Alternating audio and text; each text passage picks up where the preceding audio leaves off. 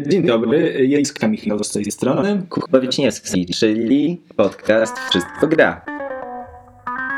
No to przed nami kolejne słowo do e, zajęcia się nim, O, do zgłębienia. To słowo to właśnie tożsamość. trochę w- wybiegłem poza szyk, że tak powiem, No ale tak, no tak, no wiadomo jak to z tobą jest, Michał. Jakby. zawsze przed szereg. Tak jest, ja się za to odwracam od mikrofonu. Teraz będziemy starać się dzisiaj o tym pamiętać. To będzie jakieś wyzwanie. E, no i dobra. E, tożsamość. I tożsamość ma kilka definicji, jak to zwykle ze słowami bywa. E, I szczerze mówiąc, jak je przeczytałem, to byłem nieco zaskoczony. Bo tożsamość kojarzyła mi się z jakąś osobowością. Tak, bym, tak, bym, tak jakbym sam miał pisać, to bym jakoś tak szukał. No. A tu się okazuje, że tożsamość to po pierwsze identyczność, po prostu. Po drugie, w odniesieniu do pojedynczego człowieka jest to świadomość siebie, więc w zasadzie samoświadomość, więc w zasadzie trochę, trochę było. ten temat gdzieś już, gdzieś już nam krąży. E, Po trzecie, są to fakty, cechy, dane personalne pozwalające zidentyfikować jakąś osobę, czyli taka tożsamość, e, powiedziałbym, w sensie formalnym, tak? E, Urzędniczym wręcz troszkę. Tak, a też chyba trochę fizyczne mam wrażenie. E, Cechy? No tak, faktycznie. Faktycznie te dane personalne mnie tak do, do tego urzędu od razu przeniosły, ale, Mhm. ale faktycznie cechy to też może być, nie wiem, e, kolor włosów, kształt ryja, e, twarzy. E, No i po czwarte e, jest e, tożsamość w odniesieniu do społeczności, to jest e, świadomość, Pła! świadomość wspólnych cech i poczucie jedności. Czyli tożsamość to jest świadomość wspólnych cech i poczucie jedności. To jest całkiem, całkiem ciekawe, mam wrażenie. E, tutaj rozumiem, że, że to jest właśnie ten moment, w którym używamy takich określeń jak tożsamość narodowa na przykład. Tak? Mm. I, I tu wchodzimy na jakieś ciekawe tematy. Istnieje jeszcze piąta definicja, czysto matematyczna, yy, ale, ale, ale ją może zostawimy póki co w spokoju. Raczej nie będziemy dotykali w trakcie dzisiejszego materiału. No tak, no to już są jakby specjalistyczne sprawy. Ym, no i co? No i co sobie dzisiaj w kontekście tożsamości powiemy? No na pewno tożsamość y, w grach to z twojej strony. Domyślam się, że tutaj można sporo powiercić w tematyce. No tak, właśnie tak. Trochę miałem w ogóle dzisiaj, przyznam się szczerze, poczucie mm, takiego. Z jednej strony czułem się bezpiecznie, jak sobie wybieraliśmy to słowo, tak? I gdzieś tak jak sobie myślimy nad słowami, to, to, to na ogół gdzieś w mojej głowie mam takie, czy mnie to słowo jakoś wibruje mi, że tam jest jakiś obszar do, do, do właśnie grzebania, kopania, tak? Eee, i, I z tożsamością właśnie miałem poczucie, że, że, że tak jest, że właśnie to jest takie hu, ale tu sobie pogadam. A tak wczytałem się w te definicje, zacząłem na tym myśleć i mam, kurczę, czy ja mam w zasadzie coś ciekawego do, powiedzenia na te tematy. W sensie mam wrażenie, że, że nie, nie, nie, przez chwilę miałem wrażenie, że trochę nie doczytałem może jeszcze jakichś tekstów, które jakoś ciekawie by faktycznie ten temat gryzły. E, ale stwierdziłem, że, e, że zrobię to, co e, zawsze warto zrobić, czyli odwołam się do statystyki. Chwilę sobie pogadamy o tym, kim to w ogóle jest gracz tak naprawdę dzisiaj. Ale również w takim kontekście mm, właśnie tej czwartej definicji, tak? Czyli z drugiej strony istnieje jakaś, jakaś, jakaś taka ogólna świadomość, jakiś taki stereotyp gracza, tak? Mhm. I również często słyszy się ludzie, ludzi, którzy określają siebie jako graczy, tak? Jakby jakoś te, to jest jakaś część ich tożsamości, ale teraz fajnie się pozastanawiać, co to w zasadzie znaczy e, i, i, i, jak to z tym jest. Natomiast również e, tak z innej beczki, e, taki zupełnie, zupełnie inne podejście do tego tematu, to jednak chciałbym o tym pogadać, e, o tożsamości grach, w sensie mm, kim jesteśmy w grach, e, w sensie w kogo się wcielamy, No. tak? I czy się wcielamy zawsze? I trochę jak nam jest to, e, jak, jak, jak kwestia tego wcielania się jest, e, jest trochę zależna od medium, tak? Czyli jak to wygląda w grach analogowych, w poszczególnych ich typach, jak to będzie wyglądać w grach cyfrowych w poszczególnych ich typach, bo to e, nie zawsze jest takie oczywiste, jakby się mogło wydawać i w sumie fajnie jest się poprzyglądać tym różnicom też. Spoko, bardzo fajnie. E, Ja trochę dotknę tematu tożsamości e, w USA. Oho, jakby tożsamości narodu, na tożsamości Amerykanów. Moim zdaniem jest to bardzo ciekawy przykład czegoś, co my na co dzień widzimy i nawet nie rozmyślamy trochę o tej ich tożsamości, która jest jednak niezwykła. biorąc pod uwagę y, nasze polskie, naszą polską perspektywę. I to będzie fajne przejście, mam nadzieję, segue do dwóch innych tematów, które chciałem poruszyć, które się bardzo wiążą. Y, To jest tożsamość narodowa, y, też powiązana z amerykańską, ale też wziąłem pod uwagę polską definicję, która jest moim zdaniem troszeczkę inna, O, to ciekawe. y, oraz tożsamość płciowa. Aha. Jakby ostatnio jest to bardzo przegadany temat, bym powiedział.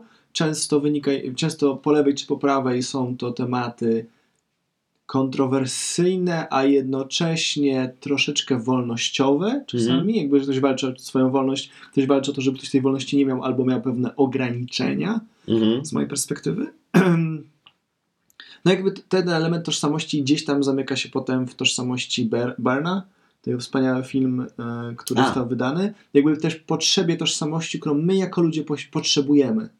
Jakby mm, wydaje mi się na bazie tego, co, przez, co przeczytałem, co sobie przypomniałem filmów, czy nawet z, gry, z gier, jakby człowiek potrzebuje tej tożsamości. Jakby w postaciach często jest ta potrzeba poszukiwania tożsamości, zrozumienia kim jestem, Mhm. skąd pochodzę, dlaczego jestem tutaj. Tak, czyli tej, zdobycia tej świadomości siebie, tak? Tej, Tak, tej, tak. Tej, tej, czyli ty tak mocno tutaj w tą drugą definicję e, będziesz pewnie wchodził. Tak? Tak, Właśnie w tą taką osobistą, tak? Tak, Tutaj tak. słyszę. Ale E, właśnie ale fajnie, ale tak też od tych, od tych ogólnych, e, ogólnych wychodząc. W ogóle ciekawe przejście, tak czuję, że to będzie takie e, odważne prze, przejście od tożsamości narodowej przez tożsamość płciową, aż po tożsamość Borna. Jakby odważnie tutaj widzę, ale, Let's ale to może być fajne, to może być ciekawe. E, w ogóle jakbyśmy bawili się w clickbaitowe tytuły, to czuję, że, że ten, ten, ten, ten ciąg mógłby się nadawać do, do omówienia. Natomiast clickbait. e, pierwszą rzecz, którą chciałem Cię spytać, to jest właśnie ta tożsamość i jak ona jest ważna z Twojej perspektywy, Twojego doświadczenia, bo pierwsza rzecz, która mi przychodzi do głowy, jak myślę o tożsamości postaci, to jest Mhm. bezimienny w Gotiku. Mhm. Jest seria Gothic i ten typ jest bezimienny, jakby nawet mu mówią, że e, bezimienny. Jakby nie masz imienia, nie tworzysz tej postaci, jakby ona jest do ciebie Mhm. generycznie przygotowana dla ciebie, przynajmniej część pierwsza, druga, trzecia już jest też dalej na bezimiennym. Nie wiem, jak to dalej się poprowadziło. I jakby jest ta potrzeba troszeczkę w postaci bezimiennego w pewnym momencie zrozumienia, kim ja jestem, ale potem ona znika. Jakby potem to jest odsunięte na bok, jakby y, Xartas mi tłumaczy, kogo muszę zabić i kogo muszę pokonać. Mhm. I ty tworzysz jakąś swoją tożsamość w trakcie gry, wybierając jeden z cech, do którego dochodzisz i Mhm. tak dalej. Ale W z drugiej sensie tam są jakieś frakcje tak, wewnątrz gry, do Tak, których tak, możesz się tak, pozapisywać, tak, tak, takie rzeczy. Bo ja w ogóle w Gotika nie grałem, co może być Okej, e, dobra, dobra. e, sensacyjnym e, revealem tutaj. To trochę, trochę tak jak nigdy nie oglądałem Kevina samego w domu, mam pewne braki w kulturze, ale jakby e, to jest jeden z nich. Nie, no ale rozumiem, to- tak? to- Czyli... o- bo, sorry, Mhm. tak zarysowałem bardzo ogólnie, bo myślałem, że znasz. E, sytuacja taka jest w Gotiku. Jesteś bezimienny, odpowiem od dru- drugiej części, bo jest bardziej taka już Mhm. konkretniejsza. Zaciłeś pamięć, ponieważ zabiłeś e, śniącego takiego potwora w pierwszej części, który był głównym bossem. Xartas cię stamtąd wyprowadził, e, przyteleportował, ale jakby zaciłeś całą, wszystkie swoje skille, e, Mhm. nic nie pamiętasz. No, klasyk na początku gry, nic nie wiesz, nic nie umiesz, zaczynasz Mhm. od początku. I z czasem jakby wyrabiasz sobie swoją tożsamość przez to, że na przykład należysz do cechów rzemieślniczych. Zostajesz na przykład płatnerzem, albo e, kowalem, albo alchemikiem. Potem dołączasz do jednego z trzech obozów. Albo jesteś strażnikiem miejskim, co jest najprostszą drogą, Mhm. e, potem paladynem, albo jesteś najemnikiem e, i to jest mocno powiązane z pierwszą częścią, bo w pierwszej części też są najemnicy i też możesz do nich dołączyć. Okej. E, albo zostajesz e, magiem, Mhm. Dołączysz do klasztoru. No jasne, są jakieś takie mm, poważniejsze wybory zawodowe, tak? Dokładnie, dokładnie. Mhm. Tam też to jest trudniej, prawda? Zależy od tego, którą z nich wybierzesz. Mhm. I tak by ta tożsamość się tworzy w trakcie e, tej postaci i tak naprawdę to, kogo wybierasz, ma potem bardzo duży wpływ na to, kto ci towarzyszy w ostatnim rozdziale, bo Mhm. wtedy zbierasz drużynę. Aha. Jakby okej. zbierasz drużynę, razem z nimi wypływasz na mm, wyspę. No tak, i to będą jakby zależnie kogo poznasz w międzyczasie, wybierając te różne przynależności, tak, to będziesz mógł z nimi, e, z nimi sobie płynąć. Jest to dla mnie e, o tyle ciekawe, że jakby e, czemu w tożsamości? Mhm. Bo ta postać, która nic o sobie nie pamięta, nic nie wie, nie ma nawet imienia, nie pyta się, kim ja byłem, Mhm. tylko idzie do przodu. To prawda. A jednak ludzki odruch jest taki, i często też w grach też jest wykorzystywany, Mhm. że jakby postacie szukają swojej tożsamości. Kim ja byłem wcześniej. nim straciłem pamięć. Jakby co prawda. ja robiłem, czy miałem rodzinę, czy miałem żonę, czy była dobrą dupą, czy jednak była słaba. Tak 7 na 10, czy może wyżej. Nie no, e, tak, w ogóle tak. E, nie no, w sensie, no, no tak, że, że jakby to, ta, ta potrzeba posiadania właśnie świadomości samego siebie, więc jeśli nie mamy wspomnień, no to, no to czujemy, że czegoś nam brakuje, tak? E, ale to też jest ciekawe, że w grach mm, postacie bezimienne się pojawiają bardzo często jako bohaterowie, szczególnie e,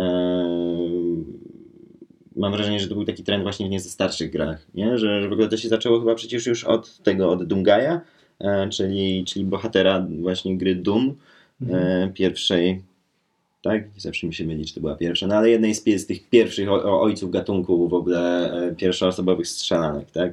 E, No i tam też graliśmy, jakby to było w ogóle dosyć mm, rewolucyjne podejście, że się tak widzi właśnie z oczu tej postaci i się, i się Strzela. mm, no ale przede wszystkim tu mówimy, jeśli mówimy o tożsamości, to mniejsza o to, czy się strzela, czy by się, nie wiem, przestawiało kubeczki, ale sam fakt tego, że, że, że ty jakby jesteś tą postacią, wcielasz się w nią faktycznie, tak? W taki bardzo dosłowny sposób się wcielasz w postać. Patrzysz jej oczami, widzisz jej ręce, jak spojrzysz w dół. Oczywiście nie w każdej grze widzimy swoje ciało, no ale to jakby inna sprawa. Eee, i, I mam wrażenie, że ten... że była taka skłonność do tworzenia postaci, które nie mają tej swojej własnej tożsamości, z takim i, i to było czasem e, jakby argumentowane w ten sposób, żeby to jakby tworzyło miejsce dla tożsamości gracza, żeby wlała się w to, tak? Żebym to im mniej cech narzuconych ma postać, którą gram, tym e, mniejsza szansa, że powiem, ej, ale on jest wysoki, a ja jestem niski, tak? Jakby, e, czy, czy, czy, czy tym trudniej nam będzie powiedzieć sobie, że, że, że, e, no, że to nie jestem ja, tak? Mhm.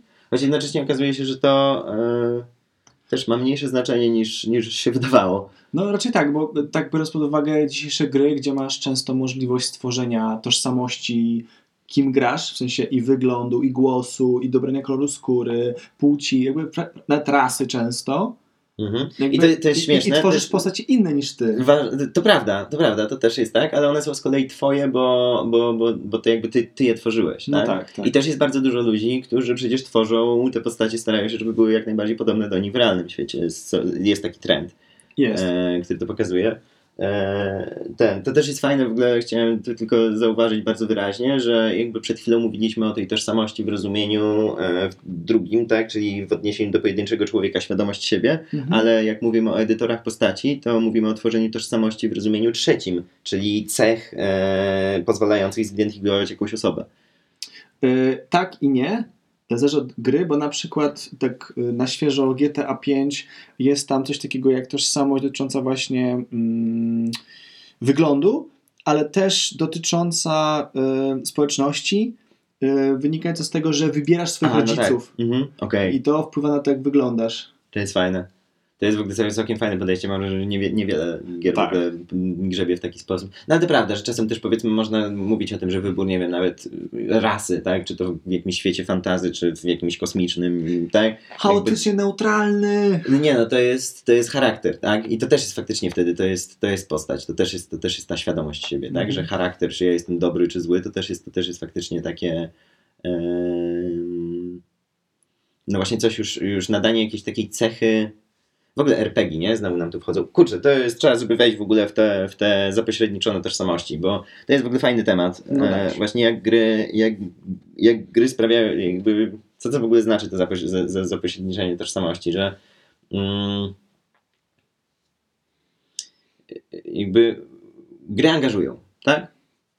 I teraz mm, mam wrażenie, że zupełnie co innego, e, zupełnie w inny sposób angażują gry e, cyfrowe niż analogowe. Mm, w tym kontekście właśnie tożsamości.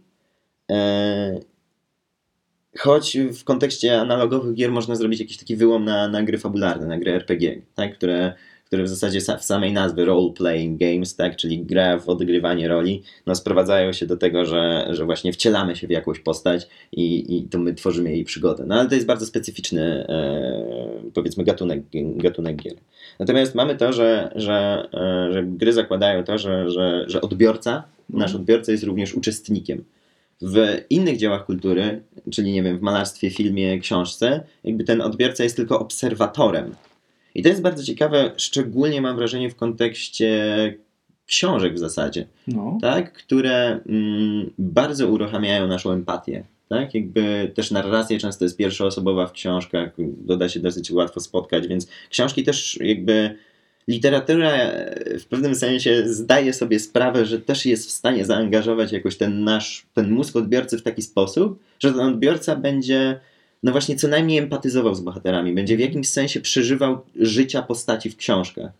Ale też te postaci w książkach jednak na ogół mają, mają swoje cechy, są ewidentnie odrębne od naszego. To jest, jak się nad, jakby to jest fajne, że jak się nad tym tak naprawdę zastanowić temu przyjrzeć, to nasz mózg robi tam bardzo karkołomny, sprytny trik, nie? I robi już to przy czytaniu książek. I teraz jak to jest z grami? Bo mam wrażenie, że właśnie e, w grach analogowych my nie do końca robimy takie triki. Tak? Czyli jak gramy sobie w planszówki, mówiąc ogólnie, używam tego określenia gry analogowe, bo uważam, że ono jest znacznie bardziej trafne, bo właśnie jakby zawiera w sobie zarówno planszówki, karcianki, e, sporty, e, wszelkie formy właśnie gier takich, które rozgrywają się jakoś w przestrzeni, cokolwiek to znaczy, tak? czy to będą podchody, czy to będą gry szkoleniowe na salę. Jakby wszystko wrzucam w tym momencie do zgrabnego w końcu worka gry analogowe. Eee, więc jak gramy sobie w gry analogowe, to mam wrażenie, że właśnie to jest trochę bardziej jak w sporcie. W sensie my tak naprawdę nie wcielamy się w kogoś Aha. tak do końca, nie? Jakby gry często oferują nam pewną fabułę e, i przez to sugerują nam, nie wiem, że grając w Osadników z Katanu jesteśmy kupcami, tak? E, ale, ale tak naprawdę to nie ma do końca dla nas znaczenia. Mam wrażenie, że gry analogowe dla naszych mózgów mimo wszystko są bardziej mm, właśnie taką kategorią jak sporty, w sensie to ja, personalnie ja, Kuba, Mhm. gram teraz, tak? Ja jestem sprawdzany, ja e, podejmuję się pewnego specyficznego wyzwania o pewnych specyficznych tak, zasadach, ale tak naprawdę no, to ja będę określony jako zwycięzca, albo przegrany, albo no, wiadomo, gry kooperacyjne, nieważne, tak? ale jakby, że, że ten sprawdzian umiejętności odbywa się na mnie. To jest właśnie bardziej taki sprawdzian umiejętności, dokładnie, to też jest coś, Aha. co tak bardziej mi się kojarzy. E, I też pewna forma zabawy, niż ta kwestia takiego na przykład przeżycia pewnej opowieści, w ogóle opowiedzenia pewnej opowieści. Tak? To nie jest tak istotne w planszówkach na ogół. Mówię, tutaj te Tak, gry no, fabularne no, no, no. jakoś się mocno odło- o, o, o, odłączają od tego nurtu. E, ale, mm, ale właśnie w grach cyfrowych też, nie we wszystkich i tak dalej, i tak dalej, ale w grach cyfrowych, e, grach komputerowych, jak sobie o nich myślimy, tak, co nam pierwsze przychodzi do głowy, no to jest znacznie bardziej element tego właśnie opowiadania historii i wcielania się w kogoś. I tam też mamy te ciekawe te dwie warstwy, e, że to może być wcielanie się w bohatera historii konkretnej, Mhm. e, albo wcielanie się w kogoś, kto ma jakiś istotny wpływ na postacie zamieszkujące dany świat, tak? czyli generała armii, albo jakieś formy bóstwa, albo na przykład menadżera drużyny piłkarskiej, tak? jakby, że to jest ten, to taka jeszcze czasem jest ta, ta tożsamość taka dziwna, taka trochę zewnętrzna e, w stosunku do, mm, do tego, co, co tak naprawdę jest grane. E, I to też jest śmieszne, że e, teraz jeszcze możemy sobie przejść w tym, w tym temacie do VR-u. No, o VR to w ogóle jest tożsamość bardzo fajnie poprowadzona może być. E, Też mówiąc wcześniej o tym e, grach a la Doom na przykład, No. gdzie masz widok z oczu gracza i widzisz postaci, widzisz jego załóżmy ręce albo nogi, albo kawałek e, belta, na, e, paska, na którym ma zawieszoną broń. Jakby moim zdaniem daje duży, wy, dużo wyższy poziom imersji i poczucia, Mhm. że ty jesteś tą postacią, którą grasz, przez to, że wszystko, co ci otacza, to jest to, co otacza tą samą postać. I bardzo rzadko jest ten widok zupełnie innej perspektywy. No zwykle ty jesteś postacią, która gra. No i właśnie w VR to jest jeszcze mocniejsze, bo z jednej strony wydaje nam się, i to jest też, a to jest właśnie też ciekawe, bo ten VR jest e, z jednej strony właśnie takim, wydaje się być takim spełnieniem tego mokrego snu e, literatów sprzed lat, którzy właśnie jakby walczyli o to, żeby tego, tego czytelnika wciągnąć w ten świat jak najbardziej, tak, żeby on jak najbardziej poczuł się jak ten bohater, żeby, żeby jakby to, to jest ta magia, która jakoś tam ludzi mocno przyciągała bardzo długo do literatury, tak, i teraz potem te światy w grach komputerowych, no już w końcu nie, nie mamy tego głupiego ekranu, właśnie to co mówisz, możemy się rozejrzeć, nie na płaskim ekranie, tylko faktycznie przekręcić głowę i zobaczyć jakiś inny element tego świata, w którym jesteśmy. I to jest niby takie cudowne, ale teraz jakby pokazują się problemy i to dwa. Jeden jest bardzo techniczny, a drugi jest, e, jest związany właśnie już bardziej z psychologią. No. I ten techniczny jest bardzo prosty, mianowicie kwestia poruszania się. W sensie to się mocno rozbija w tym momencie, nie? Ta, ta, ta imersja, jak to jest, więcej grasz na VR, więc... E, No jest to trudne na pewno dla e, projektantów, e, ponieważ ludzie często mają choroby lokomocyjne w VR-ze. Jeżeli załóżmy coś się za szybko porusza, bo jest ta świadomość tego, że ty się nie poruszasz, ale świat się porusza dookoła ciebie, błędnik trochę szaleje. Mhm. I są tutaj różne rozwiązania. Bardzo mi się podoba rozwiązanie w Superhot polskiej produkcji, Mhm. gdzie jakby przez to, że świat się porusza, kiedy ty się poruszasz jako postać, no to jest super imersja. Jakby ty się poruszasz, to świat się porusza. I jak Mhm. ja się nie poruszam, świat stoi w miejscu. I to jest sztos. Tak, i to jest bardzo, bardzo spójne z tą grą. A w jaki sposób tam przemieszczasz się? mm, Bo ja rozumiem, obracasz się, podnosisz ręce i tak dalej. A w jaki sposób na przykład też idziesz do przodu? E, Nigdy tam nie szedłem jeszcze do przodu. Okej, czyli gra jakby... Gra się do mnie zbliża, przeciwnicy na przykład, Aha. albo strzelają z daleka, ja muszę też do nich trafić z broni. Jak nie trafię, to oni wtedy się zbliżają, ale dalej do mnie strzelają. Mhm. E, Na razie miałem takie e, zetknięcia. Może w dalszej części gry jest też poruszanie się do przodu, powiedzmy, ale e, na przykład jak gier, gdzie się poruszasz, to mm, bardzo niefajne dla mnie było doświadczenie. Nie pamiętam nazwy gry, ale właśnie poruszałem się joystickiem. Jakby to działało trochę jak. W sensie ma- masz. Aha. E, Pada. ma- masz dwa, dwa pady, takie jakby Znaczy te VR-owe, tak? tak? I na nich też są takie małe grzybki do poruszania Aha. się teoretycznie. One często służą czemuś innemu, ale w tej grze służyły do poruszania się, że jakby lewo, prawo, prosto, tak Mhm. tym jednym starałeś się zrobić, a drugim grzybkiem sterowałeś jak widzisz świat. O Jezus, ale w wiarze? Tak, że jakby mogłeś, wiesz, się obracać do tyłu, że nawet stojąc w miejscu, teoretycznie mogłeś Okej. grać. I to było strasznie słabe. Strasznie dziwne, bo jakby zmieniałeś, czyli jakby twój mózg odbierał to, że poruszasz mięśniami karku i przekręcasz głowę, tak? A ty tak naprawdę poruszałeś mięśniami kciuka. Tak. W sensie to już jest jak- jakby na tym poziomie to jest właśnie to dziwne, nie? Że w ogóle właśnie poruszanie się w VR-owych to jest to, co musi nam zepsuć imersję w ten czy inny sposób. Tak, tak. Są też eksperymenty, wiem, z e, teleportacją, tak? Czyli, że jakby wskazujesz sobie, masz jakieś urządzenie Mhm. teleportacji, wskazujesz sobie miejsce w świecie, do którego się przenosisz, i cię tam przenosi. E, I tak też na przykład jest, e, to nie jest nazywane teleportacją, e, ale w Darth Vader Immortal Mhm. poruszasz się w ten sposób po planszy, bo czasami faktycznie się poruszasz, że jakby wskazujesz, gdzie idziesz, i jest jakby przyciemnienie, rozjaśnienie, już jesteś w tym miejscu. Jakbyś mrugnął, No, powiedzmy, mhm. zrobiłeś krok w tym kierunku. To jest fajne rozwiązanie, bo nie miałem po nim aż takiego poczucia mm, bólu żołądka czy głowy. No tak, bo to jest jeszcze ten element taki też bardzo techniczny. Tak, tak, tak, tak. Tak, jak człowiek w stanie jest to wszystko przyjąć. A z drugiej strony jeszcze miał, grałem w taką grę ym, zombie, coś tam DualShock, nie pamiętam nazwy. W każdym razie polega przede wszystkim na tym, że masz dwa gnaty i napierasz do zombie, na ciebie biegnie, skacze, strzela i tym podobne. I tam poruszanie jest tak rozwiązane, że ty działasz trochę jak platforma. Jakby jak stoisz w jakimś miejscu i walczysz z zombie, to jeżeli się poruszasz, to poruszasz się bardzo powoli. Są takie kroczki dosłownie i to nie są twoje kroczki, tylko kroczki postaci. W sensie, że jakby jest zanimowany świat. Świat się przesuwa Tak. względem ciebie po prostu niezależnie co ty robisz. Ty, ty, ty machasz tylko rękami i kręcisz głową, tak? Tak, ale też to jest fajne, że jak ja kręcę głową, to faktycznie jak kręcę głową nie ma tego joysticka do Mhm. kręcenia No, głową. no, to, jest, w ogóle jest dziwne. Ogóle nie- tak, nie, to jest słaby wow. pomysł. Jakby, Dziwi mnie, że w ogóle ktoś na to wpadł. W sensie jako rozwiązanie dla, nie wiem, osób sparaliżowanych, żeby mogły grać, nie? To jest super, ale, ale jako takie podstawowe rozwiązanie w grze to, to się wydaje właśnie tak nienaturalne. Niesamowite. no, ale tak na początku działał pierwszy VR, no nie? Ten, e, wiele gier, które przyjęły VR e, na bazie tego, co miało wcześniej, to już nie wiem, strzelanki, first person Mhm. shooters, to na początku też tak prowadzały, uznawały, że to jest po prostu inna formuła ekranu. Okej. I wiesz, i częścią na przykład już takiego pada wyraźnego, powiedzmy w PlayStation 4, ruszałeś się do przodu. Mhm. I ja pamiętam, że tego próbowałem, no to było 20 minut i nie miałeś już ochoty w to grać. No, no właśnie, nie? że to są takie rzeczy, że i one też, one też sprawiają, że to jest wszystko takie nudne i na szynach, nie? Yy, mam wrażenie często, że masz te, znaczy to w ogóle jest mm, temat gier, który już od czasów automatów i on sobie powraca, te tak zwane celowniczki, tak? Czyli, że e, no to się w ogóle bierze z tych automatów, które wykorzystują tą technologię tych pistoletów, No które tak, tak, mierzysz tak, do tak, ekranu. tak, Tak, tak, tak. Wszystko się tam porusza na tym ekranie, no i jakby A, jak te gry tak. Dokładnie. I te, te gry tak bardzo wracają, mam wrażenie, że właśnie były na automatach kiedyś, tam w latach, nie wiem, nie chcę strzelać, pewnie 80. E, potem był, był, był taki etap, kiedy w grach komputerowych też się pojawiały takie gierki. One były raczej przez tych takich, nie wiem, dziadków i, i indie wydawni, wydawnictw, można by tak powiedzieć, bo to były nie te lata.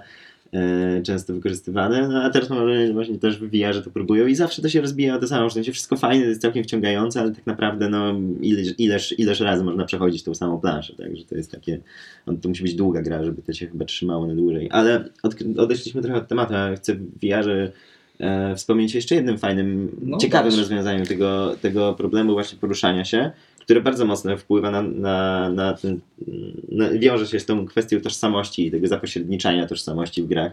I to jest to, że na pewno to wykorzystywała gra Astrobot, ona się nazywa. To jest e, taki ekskluzyw na, na PlayStationowy VR. Okej. E, I ta gra twórców Ricka i Mortiego, czy tam jednego z twórcy, e, mm, Trevor Saves the Universe, e, to się nazywa. I w obu tych grach jest e, wykorzystany taki motyw, że nasza postać, ta, którą my teoretycznie jesteśmy, jest sobie w tym świecie gry. Mhm. E, w przypadku Trevor Saves the Universe to my siedzimy w jakimś takim fotelu, z którego nie wstajemy i ten fotel się jakoś tam może poruszać po tym świecie gry. E, W przypadku Astrobota nie do końca pamiętam jak to jest, ale my też jesteśmy w zasadzie jakoś taką, ten, możemy się poruszać po tym świecie, ale to jest, to jest ograniczone i też na pewno nie za pomocą naszych nóg, gra nam tego nie mówi. Natomiast my tak naprawdę w tym świecie gry mamy w przypadku Astrobota robocika, w przypadku Trevor Says the Universe bardzo porąbany jest ten pomysł, nie będę w niego wchodził, ale jakby mamy coś, czym sterujemy zdalnie w tym świecie gry. Okej. I teraz to podobno się super sprawdza, w sensie to rozwiązanie, że jakby e, tam też obowiązują cię pewne zasady w stylu, że e, no jak daleko na przykład gdzieś każesz odjechać temu swojemu robocikowi, którym sterujesz, no to nie końca widzisz co on robi, więc musisz się trochę obrócić, żeby tam, nie wiem, albo zajrzeć pod jakiś zakamarek, gdzie on grzebie, ale jakby właśnie z punktu widzenia tego pośredniczenia tożsamości, to, zauważcie, co tu się dzieje, tak? W sensie nie do końca nam wychodzi wrzucenie w, tym, w, tym, w tej wersji VR-a, którą obec, obecnie dysponujemy, nie do końca jednak udaje nam się spełnić ten, ten właśnie to marzenie o tym takim totalnym zatopieniu, więc każemy ci wcielić się w postać, która steruje inną postacią. Mhm. Nie? Jakby to jest. rozumiem, to, to, rozumiem. jest, to jest dla mnie już. Już- już- I też, też takie grube, właśnie znowu pokazanie, w zasadzie trochę wyjęcie tak na nasze oczy jeszcze bardziej tej gimnastyki, którą dokonujemy czytając książki, nie? I teraz właśnie znowu, wracając do tego czytania książek, to mm, jest też kwestia tego, że właśnie e, ten pomysł takiego totalnego wcielenia się w kogoś innego i przeżycia jego losów, on jest tak naprawdę głupi. Znaczy w sensie, i to powiem bardzo dosłownie, tak, że jakby niekoniecznie mielibyśmy ochotę wcielić się w postać, nie wiem, yy, mordercy, albo w ogóle jakiegoś thrillera, albo nie wiem, Edypa, albo tak, jakby różne tragiczne postacie z, nie wiem, jakichś romansideł, którzy popełniają samobójstwa z miłości. No jakby przeżywanie tego, tak w sensie jeden do jednego, tak, gdzie bylibyśmy sobie w stanie wyobrazić, że mamy nawet jeszcze jakieś powiedzmy sztuczne inteligencje w tym VR-ze, które są w stanie do nas, nie, podchodzić i reagować na nas tak, żeby na nas autentycznie wpływać, żebyśmy przeżywali te emocje, No, no. no to, no to to jest straszne przecież. Jakby, No a z drugiej strony jest e, niezwykłe, no bo ludzie, wiesz, szukają gier ucieczki, to ta możliwość e, jakby takiej utożsamiania się z osobą czy postacią, którą grasz, nawet czasami straszną, jakby no, jest ucieczką, tak? Jakby za- zatopujesz się w zupełnie inny świat, albo trochę nawet spełniasz swoje marzenia. Nie Mhm. wiem, y, jako dziecko uwielbiałem GTA, y, GTA gdzie jestem y, gangsterem, który Oczywiście. może wszystko. Ale z punktu widzenia, czy chciałbym być w życiu człowiekiem, który strzela do ludzi z e, wyrzutni rakiet, i- a potem miniganem do policji? No nie. Tak, ale no właśnie to jest to, że mam wrażenie, że, ta, że ten taki bo istnieje coś takiego, ten taki złoty cielec tej, tej, tej takiej totalnej imersji, to właśnie takie, że to się nam wydaje, że to właśnie trzeba pogłębiać, pogłębiać, pogłębiać, a właśnie cały myk w tym naszym, jakby po co my w ogóle czytamy książki, czy właśnie gramy w gry, żeby No. właśnie się w bezpieczny sposób zetknąć z czymś, co jest dla nas nieznane, trudne, właśnie czasem to jest ucieczka, czasem to jest ten, ale no jakby jak gramy na przykład, to też jest bardzo ciekawe, że jak się spojrzy y, na popularność dzieł typu horrory, czy to w grach, czy to w filmach, y, ten, to jakby można zobaczyć, że zwiększanie się popularności dzieł tego typu pokrywa się ze zwiększaniem niepokojów społecznych. E, I to w mniejszych i większych skalach, nie? I jakby to też jest trochę coś takiego, tak? Że jeśli przeżywamy jako społeczność, w sensie rzeczy nam się syfią tak jakoś na takim poziomie bardzo ogólnym, więc wszyscy generalnie się czegoś boimy tak trochę na co dzień, tak? Mhm. no to, no to czujemy, to jest z nami, więc, więc mamy większą skłonność do tego, żeby, żeby pobać się w sposób kontrolowany, tak? Jakby, No tak. tak to jest tłumaczone. Eee, ale właśnie to jest, to jest właśnie fajne, że żeby móc to robić, to jednak my musimy zachowywać pewien dystans wobec tych przeżyć, tak? Musimy mieć jakąś, jakąś formę tej bezpiecznej bariery. No i taka rozkminka przy niedzieli. A, nie ma tak o, o tożsamości porozmawiać. E, to ja wezmę ten nasz e, podcast i zrobię Segwaya do narodowości w takim razie Mhm. kochanych a- Amerykanów. Bo e, czemu chciałem w ogóle i dotknąć? E, wynika to, Będziesz dotykać Amerykanów będę dzisiaj? dotykał ich, u, będą zmacani. Dobra. E, Mam nadzieję, że nikt mnie nie posądzi o jakieś tam e, nie- niecne działanie. E, O co mi chodzi w ramach Ameryki i tożsamości? Jest taki piękny czwarty element e, definicji PWN w odniesieniu do społeczności, świadomość wspólnych cech i poczucie jedności. I to mi się automatycznie połączyło z tożsamością narodowościową, narodową, Mhm. która też ma swoją oczywiście definicję. E, I tu jest jakby nawet podkreślone, że poczucie odrębności wobec innych narodów kształtowane przez czynniki narodowo, narodowo-twórcze, takie jak symbole narodowe, język, barwy narodowe, religie, świadomość pochodzenia, historię narodu, świadomość narodową, więzy krwi, stosunek do dziedzictwa kulturowego, kultura, terytorium, charakter narodowy. Mhm. Jest tego sporo. I dlatego chcę wziąć e, przykład Amerykanów, ponieważ moim zdaniem oni mają zupełnie inne te cechy, czynniki kształtujące na, ten naród, naród niż w Polsce. Mhm. Bo my mamy religię, która jest bardzo mocno zakorzenionym elementem e, naszego narodu, myślę. Język, symbole, barwy. Mamy jakąś na pewno historię bardzo tragiczną, o której mm, dużo mówimy. Mhm. E, mamy jakieś mm, terytorium, o którym mówimy, że to było Polany, i to była Rzeczpospolita Polska i tak dalej. No tak, tak. A z drugiej strony mamy Amerykanów. Amerykanów, którzy jak się spojrzy na cały przekrój narodu, narodu amerykańskiego, to jest miszmasz. Wieża Babel po prostu ziemi. Są Mhm. tam ludzie z Meksyku, albo ludzie hiszpańskiego pochodzenia, są osoby niemieckiego pochodzenia, są osoby, które pochodzą z Włoch i było o nich wiele serialów gangsterskich, tym podobnych filmów, produkcji. Są ludzie, którzy są żywcem e, wyjęci z dziada pradziada z e, Anglii i prawdopodobnie gdzieś tam dalej jeszcze wisi e, napis God Save the Queen, choć nikt nie mówi God Save the President.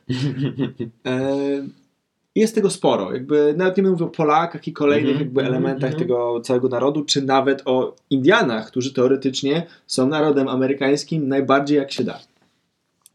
E, ale poza tym, że jakby nie mają tego, mają takie wspólne pochodzenie z różnych miejsc, Mhm. to sprawia, że ich to bardzo łączy. A to się mówi o tym w Ameryce, że jesteśmy krajem ludzi, którzy pochodzą z różnych miejsc, co jest trochę zaprzeczeniem tego, co aktualnie robi prezydent Trump, ale to jest zupełnie inny temat. Zupełnie inna rozmowa. Dokładnie. I tam istnieje takie podejście, że to ludzie tworzą społeczność.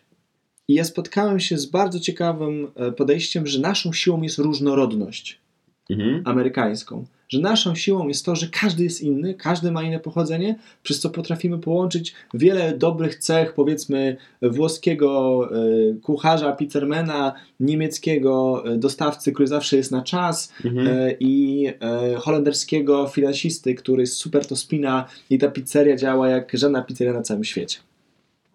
I jest tam taki, taka, może nie potrzeba, ale wyraźne mówienie o tym, że jesteś, in, jesteś emigrantem, przyjechałeś tutaj, spoko.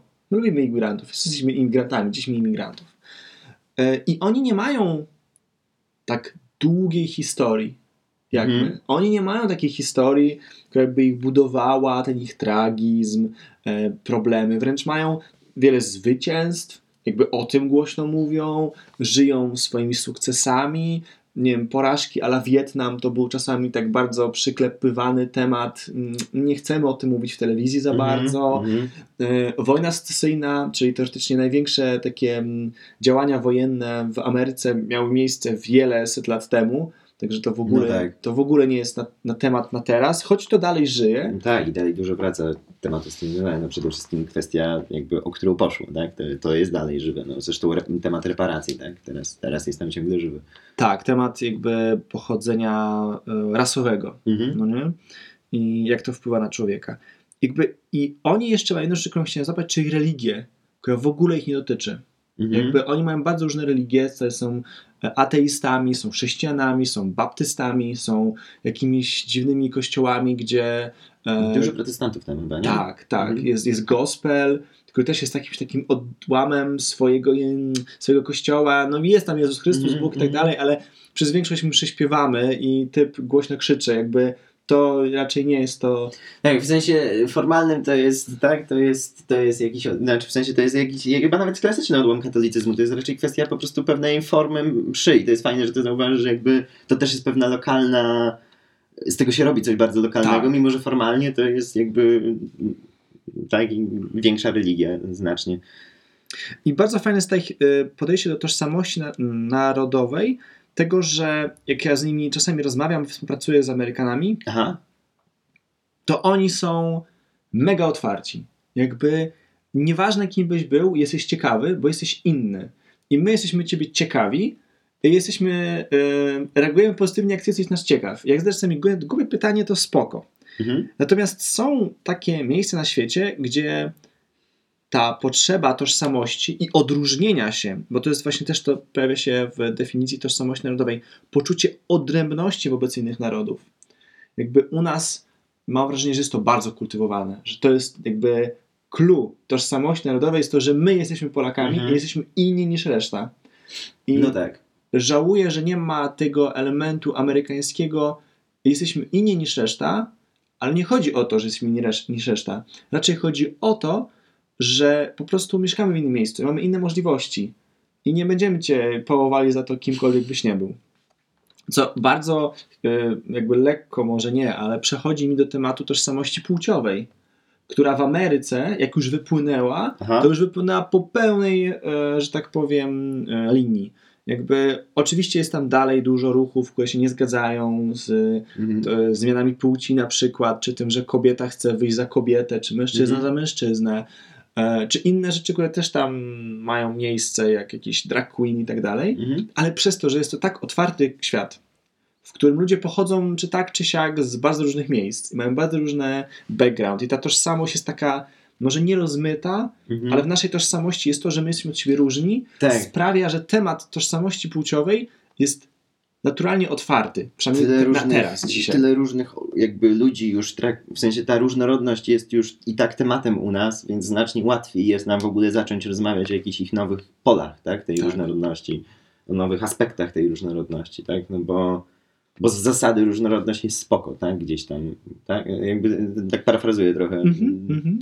I jakby teraz jakby u nich, wiesz, normalnie w telewizji, tam jeden z najsłynniejszych youtuberów to jest typ, który się maluje, Aha, E, jakby to pokazuje, jakby jak to się zmieniło, bo też trzeba oczywiście pamiętać o tym, że na, w latach, e, w poprzednim wieku jakby dochodziło do wielu pogromów, może nie pogromów, ale aktów przemocy. aktów przemocy wobec ludzi innej płci, albo e, którzy jakby chcieli uprawiać seks z inną płcią i było to Aha, zakazane aha. I było to penalizowane I piętnowane i bardzo piętnowane. mocno. Tak. Także może nie penalizowane tak konkretnie, ale często y, jakby policjanci znajdowali powód, żeby cię No. zamknąć, mimo że Mhm, oficjalnie nie mhm. mogliśmy za to cię zamknąć, znaleźliśmy coś. Jakby, Mhm. nie wiem, obsceniczne zachowanie, obraza policjanta. Ten to nie jest może najlepszy przykład, ale mam wrażenie, że mikrowątek czegoś takiego pojawia się, to da może tak bardziej jakiś punkt odniesienia, pojawia się w Green Booku, dobrze pamiętam, że tam jest Tak. taki fragment. Oni unikają tego aresztowania w końcu, ale to też jest tak, że, że widać wyraźnie jakby za co...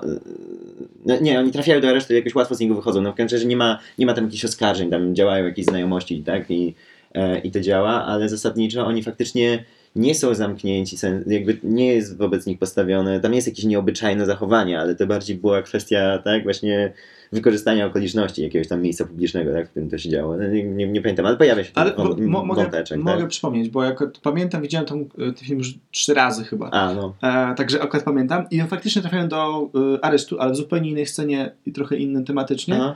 E, natomiast e, akurat tożsamość płciowa e, miała miejsce, czy ten wątek miał miejsce wtedy, kiedy oni byli w jakimś mieście większym i ten czarnoskóry muzyk uprawiał seks z facetem Mhm. i znaleźli go policjanci. I No oni tak. nie poszli nigdzie, oni zostali tam, gdzie ich znaleźli. Jakiś tam. E, Tak, i przyjechał po niego ten i tak, i przyjechał bohat- po niego znaczy ten, kierowca. e, Aragorn.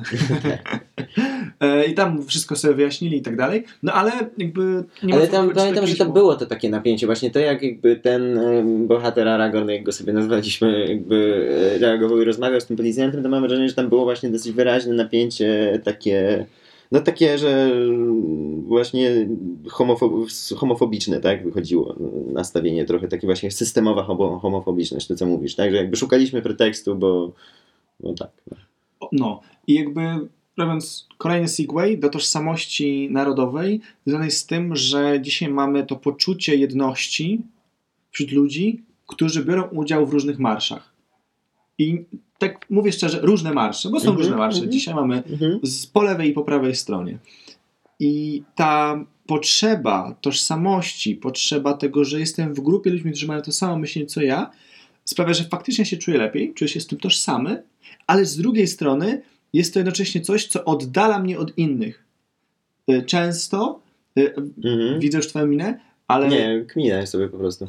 Dobra. E, o co mi chodzi? Mm, Te marsze często przez to, że są mm, pokazaniem, uwypukleniem jakiejś tożsamości, jednocześnie są zaprzeczeniem czyjś innej wizji tożsamości narodowej, co Tak. prowadzi do No właśnie, różnych napię- na, sytuacji napiętych, bym powiedział. I to działa w obie strony, moim zdaniem, bo Mhm. Z jednej strony mamy e, na przykład marsze równości, które są atakowane przez e, panów w kominiarach, łysych pałach, czy nawet panie z wózkiem z dzieckiem. Kreszczą straszne rzeczy. A z drugiej strony mamy marsze na przykład niepodległości. W ich czasie też osoby, które idą w tym marszu są obrażane przez osoby, które myślą inaczej o tym kraju i uznają to, co oni robią za nieodpowiednie zachowanie, albo jakiś pewien sposób to, co mówią, czy to, co skandują za nieodpowiednie zachowanie. I tak naprawdę, gdyby wyciągnąć wszystkie rzeczy w stylu, czy jesteś po lewej, czy po prawej, czy jesteś e, łysym panem, czy jesteś chłopaczkiem, który chce z innym Mhm. chłopaczkiem, to koniec końców to działa zawsze w ten sam sposób. My jesteśmy tutaj, jesteśmy tożsami z tym, co tutaj robimy, wam to się nie podoba, wy nas, na nas mówicie, rodzi się wrogość. Jakby, I to jest ciekawy element Tak, tożsamości Ale narodowej. jest jedna rzecz, która jednak bardzo różni te rzeczy. W No sensie też. te dwie.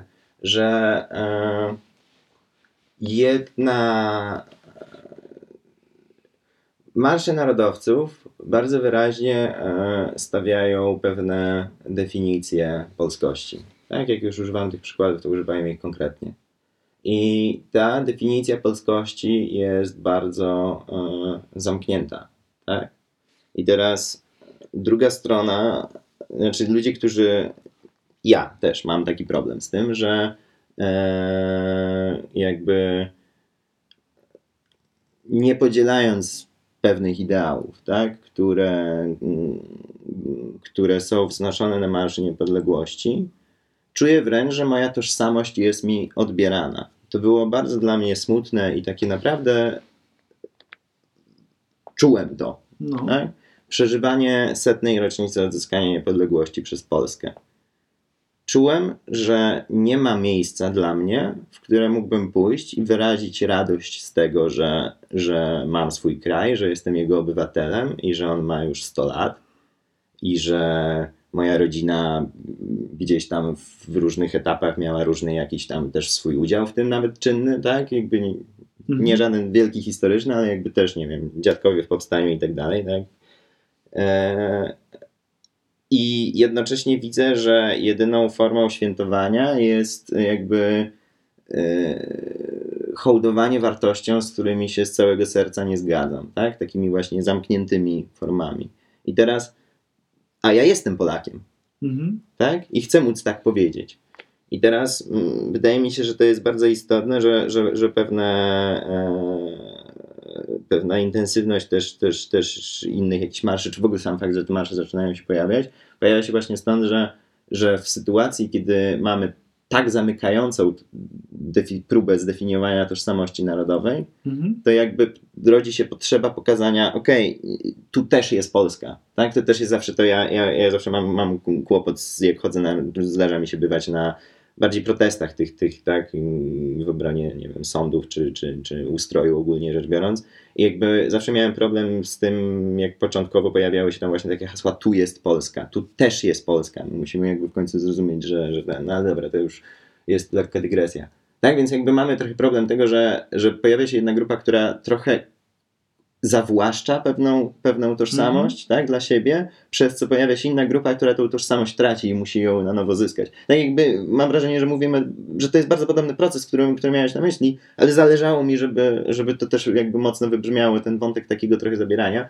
I owszem, w, mm, jest coś takiego, że z drugiej strony my mówimy, nie ma miejsca na faszyzm, No. tak? E, I to też jest jakieś stawianie granicy tej tożsamości. Mm, Ale mam wrażenie, że to jest jakiś, jakiś taki problem, tak? No Bo z jednej strony faktycznie nie ma, chciałbym, żeby nie było miejsca na faszyzm, tak? Żeby faktycznie nie było miejsca na, na jakąkolwiek formę, mówiąc faszyzm, tak naprawdę mam trochę na myśli jakąkolwiek formę e, właśnie wykluczania kogokolwiek z tej wspólnoty, tak? E, Z jakichkolwiek powodów, bo, bo tak naprawdę nie ma ku temu powodów. E, Ale, ale jednocześnie uważam, że bardzo ważne jest zrozumienie, skąd, się, skąd to się bierze, nie? W sensie Mhm. na początku. I jakieś w ogóle otwarcie jakiegoś w ogóle pola dialogu. No, to są cholernie ważne sprawy. Tak, ale y, jeżeli o co mi chodziło z tą tożsamością, No. jeszcze tylko domknę ten temat i myślę, że możemy zrobić segue do tematu gier jeszcze raz, mm, to jakby my potrafimy definiować naszą tożsamość, ale często w narodzie tożsamość może być różna. Bo Mhm. moim zdaniem to naprawdę to jest y, ci- filozoficznie tu chodzi tylko i wyłącznie o to, jak szeroko myślimy o Polakach i Polsce i wyobraź sobie, jakby ja zupełnie nie bronię e, Marszu Narodowych i tak Mhm. dalej, jakby staję powiedzmy, nie, nie chcę tutaj zebrać jakiejś strony, ale wyraźnie bym stanął prędzej po stronie Marszów Równości niż jakiegokolwiek Marszu Niepodległości, ale z drugiej strony, jakby musimy mieć to w głowie, że Marsze Równości też w pewien sposób może nie zawłaszczają, ale one określają, kim jest Polak i co jest dobre w Polsce, to tej grupie im się jakby u samej podstaw jest niezgodne z ich tożsamością. Często.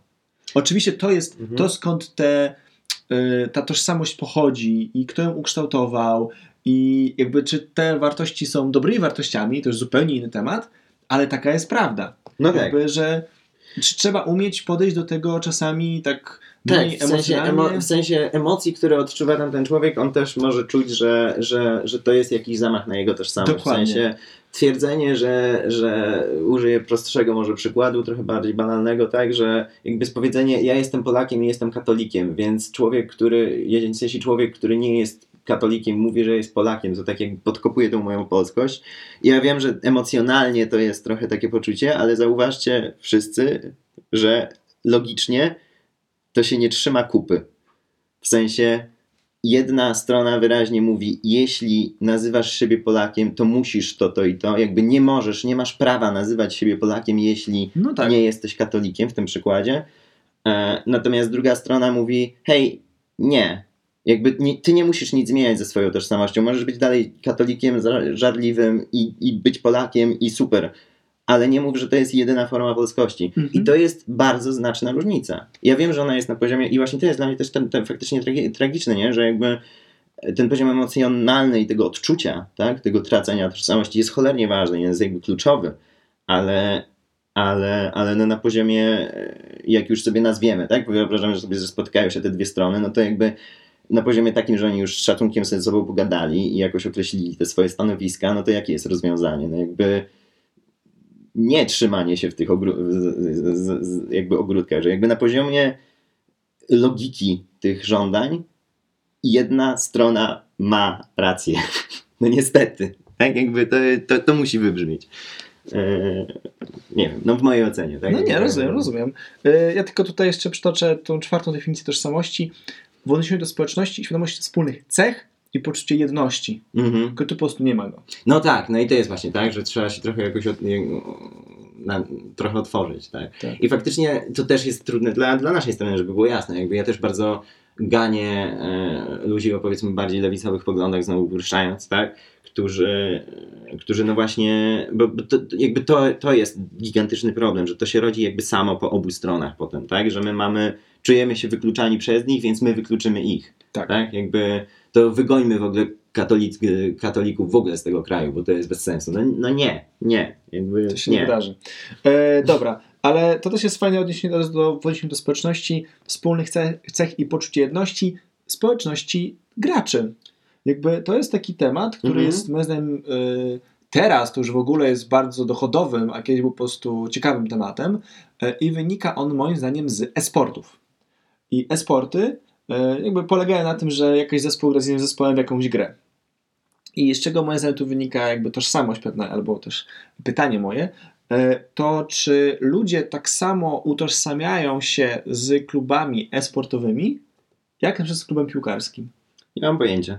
O, Eee, To tutaj dziękuję bardzo. do widzenia. Eee, nie, no tak, znaczy w sensie w ogóle temat takich drużyn i, i, i właśnie takiego kibicowania to jest bardzo ciekawy, bo w sumie eee, jakby to jest ciekawe, że mamy bardzo mocną tożsamość kibicowską, Mhm. tak? A jednocześnie i teraz jak na przykład, to, to bardzo też widać w ciągu ostatnich lat było, powiedzmy, teraz te tematy trochę przycisły, niestety, niestety, ale był taki, taki czas, kiedy jakby z tym środowiskiem kibicowskim w Polsce e, no, próbowano walczyć, tak? Dalej jest jakaś formuła walki. e, Tak, ale powiedzmy to było, był w pewnym momencie trochę bardziej medialny taki, te, taki klimat. Nośne było, tak. E, I wtedy było widać, że właśnie nagle ci e, to środowisko, nawet kibolskie wręcz, tak? Mhm. Czyli tych ludzi, których na ogół kojarzymy z ustawkami, i- czyli wydawałoby się nienawiścią względem siebie nawzajem, tak?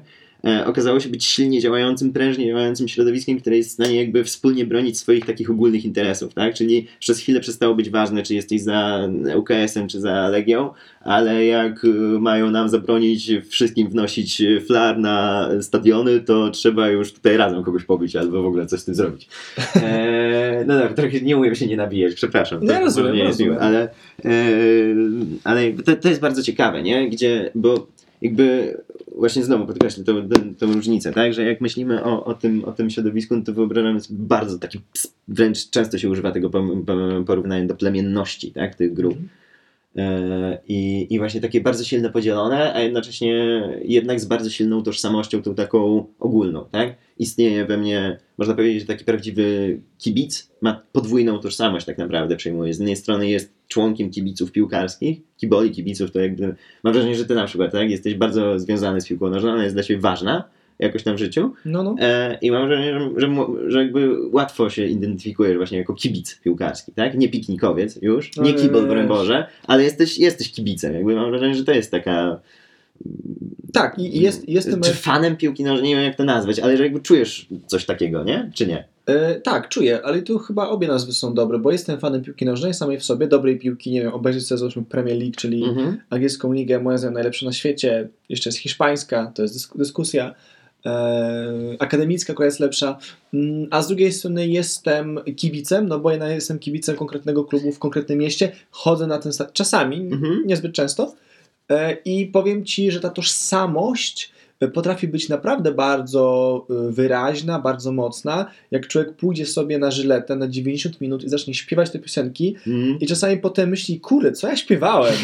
Jakby to, to, to nie powinienem tak krzyczeć na głos, ale z drugiej strony było to niezwykle jednoczące. Jakby No tak, to, no. to, to daje jedność, z jednej strony, z drugiej strony daje ci wroga, to też jest bardzo ważne dla tożsamości jakiejś, jakby kim my jesteśmy, kim są oni, a z drugiej, a z trzeciej jeszcze strony to jest niewyobrażalne wyrzucenie z siebie negatywnych emocji. Mhm. Przynajmniej w moim wypadku to zawsze działa bardzo terapeutycznie, może to jest złe określenie, ale jakby no, daje ci możliwość wyżycia się, jakby wyrzucenia tych negatywnych emocji. No i teraz właśnie moje pytanie dotyczy tego, czy we sporcie ta tożsamość kibiców może być taka sama. Jakby nie, nie chodzi o te Mhm. flary, nie chodzi nie, o te ustawki. nie wiem, serio nie wiem. W sensie jakby moja odpowiedź była jakby zupełnie, zupełnie poważna. Ja po prostu nie mam pojęcia, bo nie, nie czytałem o e-sporcie na tyle dużo, a szczególnie już o właśnie takich środowiskach, yy, właśnie na ile istnieją środowiska z, z jakby śledzące konkretnego e, gracza, czy konkretne,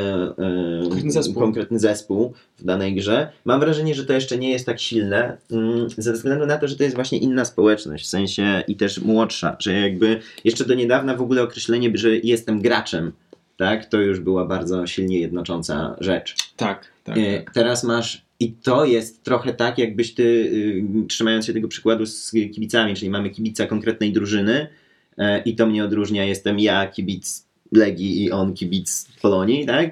E, ale jednocześnie, jak mówimy o tym poziomie, tak, jesteśmy kibicami piłki nożnej, no to jesteśmy kibicami piłki nożnej, o nie wiem, o, o, na ligę angielską możemy się razem umówić i oglądać, mimo że, że, że wczoraj się biliśmy na ulicy, nie? Na derbach. E, ale, e, ale to jakby można sobie trochę wyobrazić coś takiego, natomiast mam wrażenie, że ta tożsamość gracza to tak naprawdę jest trochę jakby zrobić jeszcze jeden poziom, czyli taki w ogóle jestem fanem sportu. Mhm. Nie, że jakby to jest trochę, trochę to. I to, jakby fanów sportu było już bardzo wielu, więc jakby te tożsamości konkretnej dyscypliny stały się silne. Tutaj mam wrażenie, że ponieważ to jest no, młodsze zjawisko jednak, No tak, tak. tak, to mamy, mamy, jesteśmy trochę jak na razie na etapie tego, że stworzyliśmy sobie tożsamość pod tytułem fani sportu, czyli gracze. I teraz tu zaraz możemy sobie wejść właśnie trochę w cyferki, statystyki konkretne, żeby zobaczyć, jak to jest tak naprawdę zróżnicowana grupa. Eee, a co do tych, e, jeśli miałbym jednak spróbować jakoś odpowiedzieć na No. Twoje pytanie, co do tych kibiców właśnie konkretnych drużyn, to wydaje mi się, ale mówię, to mi się tylko wydaje, że może być tak, że bardziej jest skupione, jakby skupiona społeczność wobec w ogóle kibiców konkretnej gry, Tak. czyli jakby dyscypliny, tak? Mamy ludzi, którzy oglądają StarCrafta, mamy ludzi, którzy oglądają, nie wiem, e, League of Legends, mamy ludzi, którzy oglądają Fortnite'a, śledzą e, i oni, i to jest na przykład właśnie Fortnite jest też ciekawym tym przykładem, że tutaj zaczynają się pojawiać właśnie takie animozje, które przypominają te animozje pomiędzy poszczególnymi klubami piłki nożnej na przykład, czy w ogóle jakiejś dyscypliny sportowej, to tutaj się trochę pojawiają właśnie pomiędzy poszczególnymi e, fanami poszczególnych gier, tak, że na przykład, Aha. nie wiem, e, mówi się e, w tym momencie cały czas Fortnite jest, jest, jest na, na cenzurowanym mocno, tak, że mówi się, że to są, i to są w ogóle najczęstsze te obelgi, że to jest gra dla dzieciaków, że w to grają dzieciaki, nie? I tak się w pewnym momencie mówi o Minecrafcie. Minecraft też jest ciekawa historia pod tym względem, bo on na początku zyskał dużą popularność wśród właśnie mm, jako te klocki powiedzmy, potem nagle właśnie stwierdzono, hej, gra dla dzieci, w ogóle dzieci to są tylko walić to, a teraz ostatnio mam wrażenie, że znowu zaczyna wracać w kierunku jakiejś takiej społeczności trochę e, uznania. No właśnie może dlatego, że, że, że ogólnie rzecz biorąc uznano, że teraz dzieci to grają w Fortnite. No nie wiem, to, to, jest, to jest dziwne, to jest trochę śmieszne, ale E, ale mam wrażenie, że to właśnie bardziej krąży wokół, jest na tym etapie właśnie e, Gier, no, no. gier dokładnie, tytułów konkretnych dyscyplin. A to też jest ciekawe, że kiedyś było tak, że grasz w gry, to jesteś dziecinny. Mhm. A teraz już tak nie ma. I myślę, że to jest fajny segway do tematu average gamer, jak widzę tam Tak, z, z podełba, co masz na swoim laptopie. dokładnie. E, mamy sobie badanie, jest takie stowarzyszenie Entertainment Soft- Software Association, ono jest e, ze Stanów. I to są organizatorzy w ogóle targów E3, tak? czyli największych targów elektronicznej rozrywki. E, No te targi powiedzmy w ostatnich latach trochę tracą na znaczeniu, ale to dlatego, że w ogóle takie zjawisko jak targi trochę powoli traci na znaczeniu, ale to jest zupełnie inna historia. No w każdym razie legitna, legitna organizacja i ona od bardzo wielu lat rokrocznie prowadzi takie ankiety dotyczące właśnie e, graczy e, w Stanach Zjednoczonych. Mhm. E, I te statystyki są ciekawe. W ogóle teraz, jak sprawdzałem w jakichś innych statystykach, to tak światowo w tym momencie mamy, zbliżamy się chyba powoli do 3 miliardów graczy na świecie. W sensie już przebiliśmy 2 miliardy na pewno. Okej, czyli jeszcze nie połowa ludzkości. Jeszcze ale nie połowa ludzkości. ale jesteśmy w drodze. Tak, tak, tak. I to rośnie mm, masowo. E, o, wezmę sobie komputerek na kolana, to będę mógł mówić też w kierunku mikrofonu jednocześnie. Mm. E, właśnie. Po pierwsze, 54% to faceci, 46% to kobiety, czyli już mamy prawie pół na pół, e, ale średni wiek. W przypadku mężczyzn 32 lata, w przypadku kobiet 34 lata. Średni wiek. Tak? Co pokazuje, że mężczyźni prawdopodobnie zaczynają grać w gry wcześniej. Też mam takie wrażenie, też to tak interpretuję, nie? Mhm. To jest w ogóle ciekawe, e, ale, ale, ale no właśnie, to trzeba pewnie trochę głębiej wejść, poszukać więcej danych, które by to potwierdziły i, i, i można to sobie wtedy rozkminiać. E, ale no właśnie, nie, że średni wiek to jest 30 parę lat. Oczywiście tutaj w tej em, oni biorą pod uwagę również e, granie w gry wszelkie, czyli również na telefonach, Mhm. również nie wiem, przeglądarkowe. E, w zasadzie myślę, że e, jakby to zjawisko w ogóle trochę mam wrażenie, że już zniknęło, ale że, że również braliby pod uwagę ludzi, którzy od czasu do czasu odpalą pasjansa w przerwie w pracy. Tak? Jakby, e, tak jak patrzyłem na różne właśnie kategorie, które oni rozpatrują, no to tam też są właśnie gry karciane, również bra- brane pod uwagę właśnie te casual games i tak dalej. Więc mamy, mamy dużą, dużą społeczność. Mm, 65% dorosłych Amerykanów w tym momencie gra w gry, tak? Więc w przypadku samych, samych Stanów to jest trochę, trochę nieco wyższy jednak wskaźnik niż, niż w skali całego świata. Mhm. Em, i, I już samo to, jakby w zasadzie, trochę nam mi już zaczyna właśnie wkładać do głowy takie zastanowienie się, okej, to jak tak duża grupa, tak zróżnicowana, w tak różnym wieku, nie, e, jest w stanie znaleźć właśnie sobie te wspólne cechy, które ich jakoś wyróżniają, tak? Co to znaczy, że ja jestem graczem? Mhm. I mam wrażenie, że, mm, że w ogóle to, że istnieje coś takiego jak tożsamość graczy, może się wiązać trochę z tym, że ten świat jest właśnie taki nowy, świat gier w ogóle. I że tak samo jak mieliśmy, mamy cały czas bardzo mało słów na określanie. E, No właśnie cały czas się zmagamy w ogóle z definiowaniem gry. Także to słowo gra jest tak pojemne, że mamy jedno słowo pod tytułem gra i to Mhm. znaczy tak bardzo wiele rzeczy, jak się zacząć przyglądać bardziej szczegółowo, nie? E, I miałem wrażenie właśnie teraz, jak, jak sobie wychodziłem od takiego wyobrażenia, kto to jest gracz, no to każdemu z nas się pojawia ktoś przed, y, w oczach. Ja mam, ja mam na przykład dwa stereotypy, które trochę ze sobą walczą. Jeden to jest, użyję bardzo takich mocnych obrazków, jeden to są dzieci Neo, drugie to są... e, Gdzieś na stradę można tak, tak, tak. To, to, to jest. mm, Tak, czyli jacyś tacy gimbusy potem się mówiło. No w sensie ludzie raczej tacy. mm, Dzieciarnia. Dzieciarnia, tak. W sensie niezupełne dzieci, e, dzieciuszki, ale właśnie w tym takim wieku no, no, około szóstej, ósmej klasy podstawówki w tym momencie, tak? Em, a z drugiej strony to jest ten typ z South Parka, e, gruby, pryszczaty, właśnie około 30, 30 siedzący w piwnicy. Piwniczak, tak? Tak się mówi brzydko. E, I to są, oba te, te stereotypy są dosyć krzyw, krzywdzące.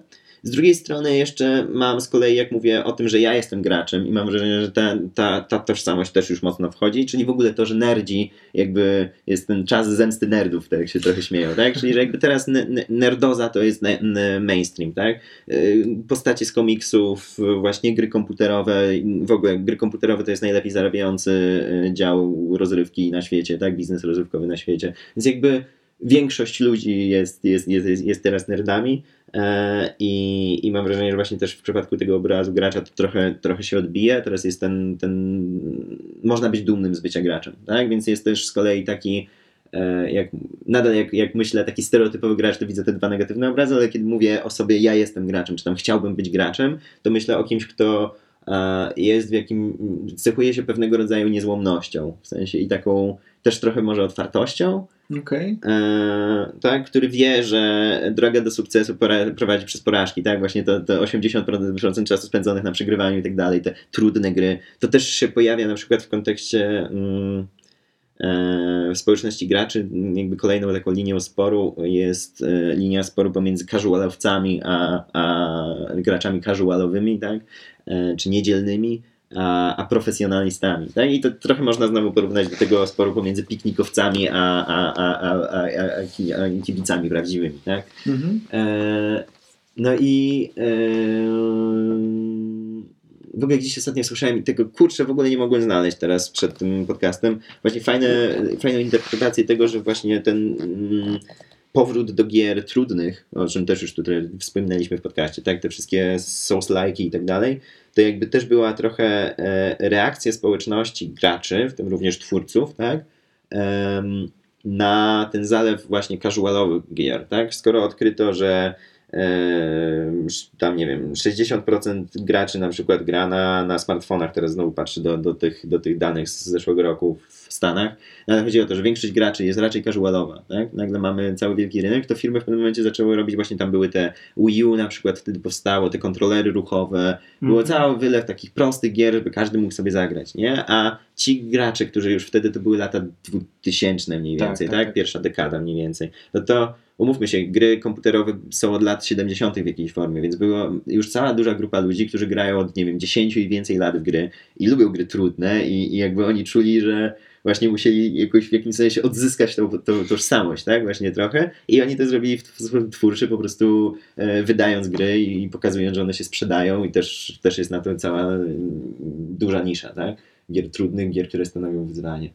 E, I no właśnie, więc jest, jest też taki wątek tej tożsamości gracza jako kogoś, kogoś takiego, gdzieś, gdzieś szukają tych, tych cech. Tutaj też są ciekawe dane a propos trochę tego, em, tego gracza wytrwałego, czy jakiegoś zaangażowanego.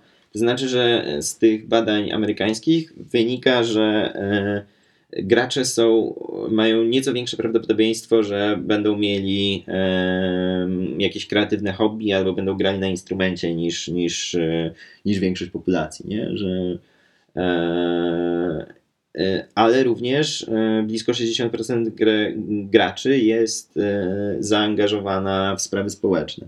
Mhm. To też jest ciekawe. Ja zawsze tego typu akurat procentów tak podchodzę z takim, nie mam porównania, tak? W sensie nie wiem jaki jest na przykład procent w ogóle, w ogóle społeczności amerykańskiej zaangażowania e, społecznego, czy to, jest, czy to jest wysoko, czy to jest nisko te 60%, więc tak podchodzę do tego z takim tym wahaniem, no ale to też są właśnie te badania, które i Jane McGonigal promuje i tak dalej, właśnie te wszystkie, które badają związek w ogóle grania z mózgiem, no to i ta, ta siłownia dla mózgu, to też nam się gdzieś już w podcaście pojawiało, że, że wydaje się, że istnieje pewien związek tego właśnie ćwiczenia się w takim, w takim osiąganiu mistrzostwa w rzeczach. No tak? tak, tak, tak, tak. tak. Który, który gdzieś tam się może przekłada na, na to, że jest nam, że na przykład gracze są trochę bardziej wytrwali, tak? Że oni może mają, może mają dlatego więcej, większa ich grupa posiada jakieś na przykład kreatywne hobby, Mhm. bo trudniej im się było poddać po tym, że tam, nie wiem, 50 moich pierwszych rysunków było brzydka, tak? Że jakby łatwiej widziałem mój progres, takie typu rzeczy, tak? No, Levelowałem. dokładnie, nie? Że, że jest to łatwiej zrozumieć.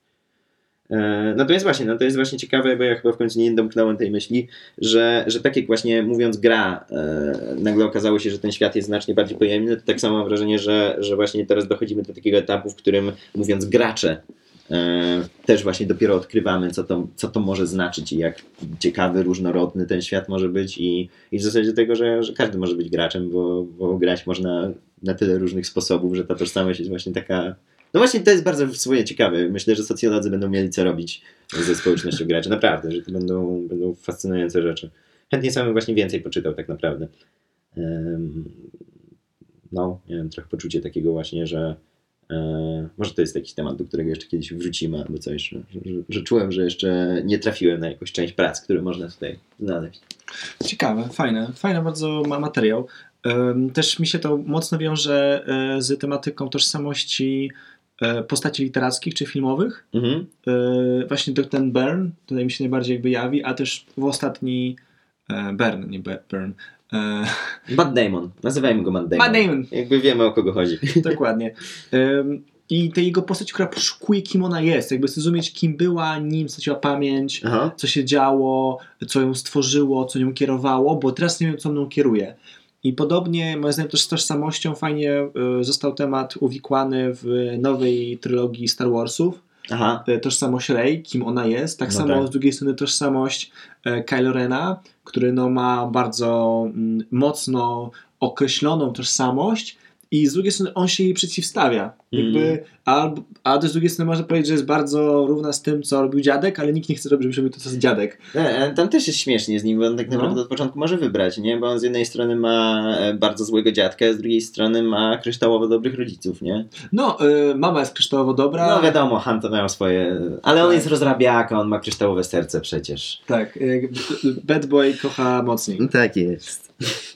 I jakby ta tożsamość jest często przerabiana i jest jakby częścią historii osoby, która dzieje się w przyszłości, to jest to odkrywanie, kim byłem wcześniej i bardzo często potem jest oczywiście takie um, sztampowe hasło, że nieważne kim byłeś kiedyś, ważne Mhm. gdzie zmierzasz teraz. Tak, i to jest w ogóle ciekawe w kontekście Star Warsów, yy, że moja jedna z ulubionych rzeczy, które właśnie bardzo mocno tam zauważyłem w tej ostatniej części yy, i mam wrażenie, że to jest konsekwentny wątek tej ostatniej trylogii, czyli właśnie ta różnica między złymi i dobrymi. No, E, I w tej części to było mocno. Oni tam mają w ostatnim Jedi, uwaga, spoilery, jeśli kogoś to obchodzi, e, mają ten, ten jakiś taki moment, trafiają do mm, byłej dziewczyny e, Poego. Tak, tak, tak. I okazuje się, że Po w przeszłości był przemytnikiem przyprawy, tak? czyli handlarzem narkotyków, umówmy się.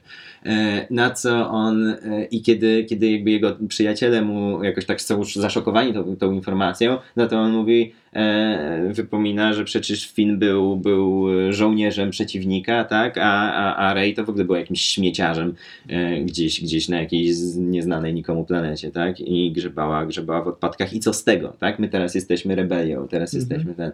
Z kolei druga strona e, i to widać nawet w takich małych rzeczach. Mam wrażenie, że film może mógł to trochę wyraźniej pokazać, gdyby był bardziej zgrabny, ale to tam widać, to tam jest, że nawet e, jest e, moment, w którym oni się tam włamują na, na, na krążownik i tam kradną rzeczy. I rozdzielają się na tym krążowniku i aresztowani są tam właśnie chłopaki po spinem, e, a Ray jest, jest gdzieś indziej i oni mówią o niej We didn't find the scavenger, tak? Nie, tłumaczone to jest zresztą fatalnie, bo nie znaleźliśmy dziewczyny, ale oni właśnie nazywają ją nie znaleźliśmy śmieciarki, tak? Śmie, śmie, śmiecia, złomiarki. złomiarki. E, tak, czyli tak samo mogliby by, by o Finie dalej by mówili, że jest Stormtrooperem, tak? Mhm. I właśnie ta różnica, że, że dobrzy, tak, ta jasna strona to jest ta, która wierzy w odkupienie, wierzy w to, że właśnie tożsamość jakby wytwarzasz w trakcie. No i tutaj jakby ta, to, że, że ta Rey mogła sobie przyjąć inne nazwisko niż miała rodowe i tak dalej, i tak dalej. A tego może nie spoilerujmy. No, no więc właśnie tak ostrożnie. E, ale, ale że właśnie tak, ci dobrzy wierzą w to, że tożsamość jakby tworzysz, a, a ci źli wierzą, że tożsamość jest zamknięta, że tożsamość jest, e, jest ci dana z dziada, pradziada i jakby jedyne co możesz zrobić to ją, to ją wypełnić, tak? I jakby nie możesz się zmienić, masz rolę. Dziękuję bardzo. Gadałem, czy na, na, narodowcy to w takim razie imperium? Ja tego nie powiedziałem.